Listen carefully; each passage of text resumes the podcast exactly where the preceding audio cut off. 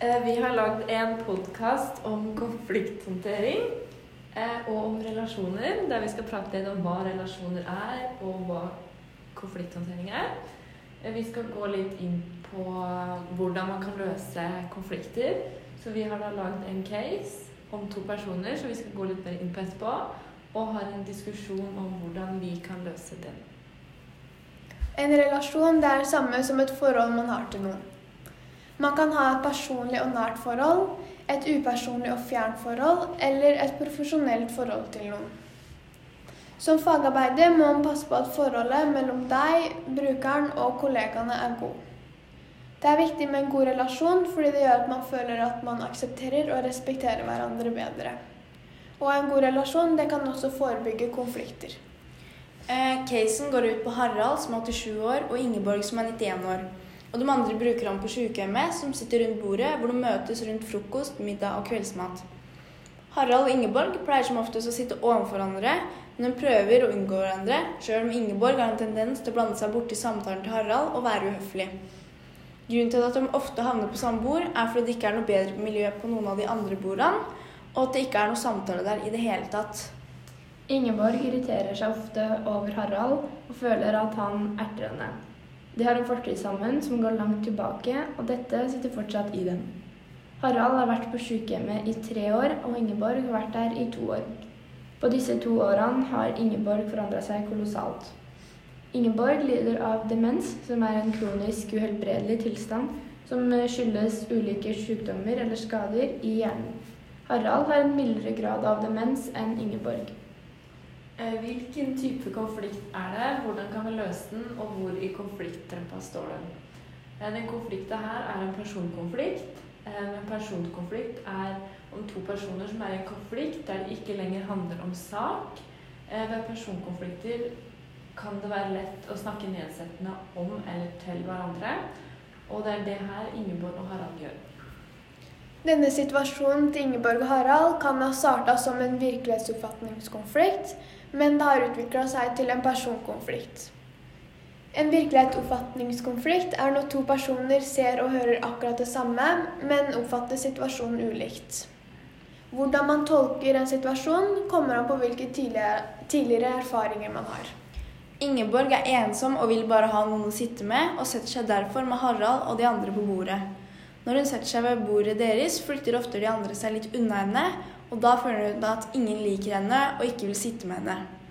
Harald derimot tolker ikke denne situasjonen på samme måte som Ingeborg. Han føler at Ingeborg trenger seg for mye på. Denne konflikten har utviklet seg til trinn seks i konflikttrappen, som har gjort dem til offentlige fiender. De har blitt offentlige fiender fordi de andre beboerne på sykehjemmet har også blitt dratt inn i situasjonen, og vet derfor veldig godt at Ingeborg og Harald ikke liker hverandre. Hvordan kan vi løse eller forbedre denne situasjonen?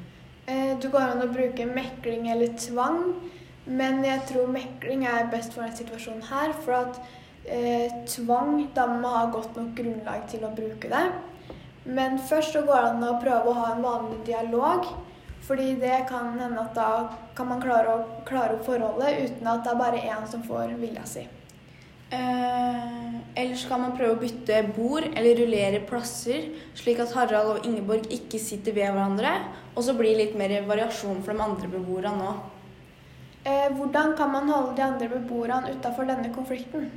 Eh, I stedet for å ta konflikten rundt bordet der alle sitter, så kan du ta diskusjonen på et annet rom, der det kan være Ingeborg, Harald og en fagarbeider.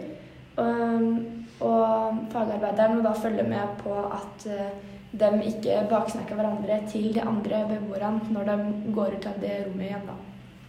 Eh, hvilke relasjonsferdigheter må fagarbeideren ha for å ikke ødelegge relasjonen til noen av brukerne?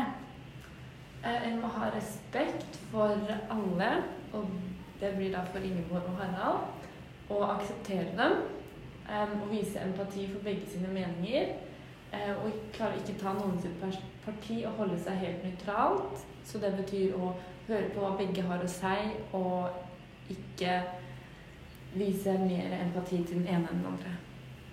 Og så må man ha gode kommunikasjonsferdigheter. Og det er jo bl.a. det å lytte til det begge sier, og vise anerkjennelse for det de sier. Hvordan kan man få brukerne til å slutte fred uten at du som fagarbeider tar parti med en av dem? Um, som vi sa i stad, så må fagarbeideren klare å ikke ta noen sitt parti, men holde seg nøytral.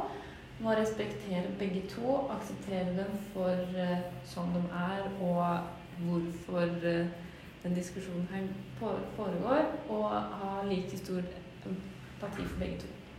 Fargearbeideren Fagarbeideren kan komme med kompromisser som kan løse konflikten for begge parter. Som jeg nevnte før, f.eks. det å rullere plasser, sånn at det blir mer variasjon for alle. Og så er det jo viktig med gode kommunikasjonsferdigheter. Eh, og det å lytte til begge parter og vise forståelse for begge sine meninger og følelser. Og så må man være bevisst på sitt eget kroppsspråk og da tilpasse språket sitt. Og passe på at diskusjonen ikke går over i personangrep, men den holder seg saklig. Vi kom frem til at konflikten mellom Ingeborg og Harald er en personkonflikt, men har starta som en virkelighetsoppfatningskonflikt. Vår mening er at den beste løsninga på den konflikten er å starte med en rolig dialog der begge partene får sagt sine meninger. Og hvis det ikke går an, så kan de prøve mekling. Og vi mener at tvang blir en feil måte å løse konflikten på, fordi det ikke er godt nok grunnlag til å bruke tvang. Sjøl om Ingeborg og Harald er demente, så er de voksne mennesker som burde klare å løse denne konflikten på egen hånd. Uansett hvem som er med på å løse konflikten, så er det viktig med god kommunikasjon.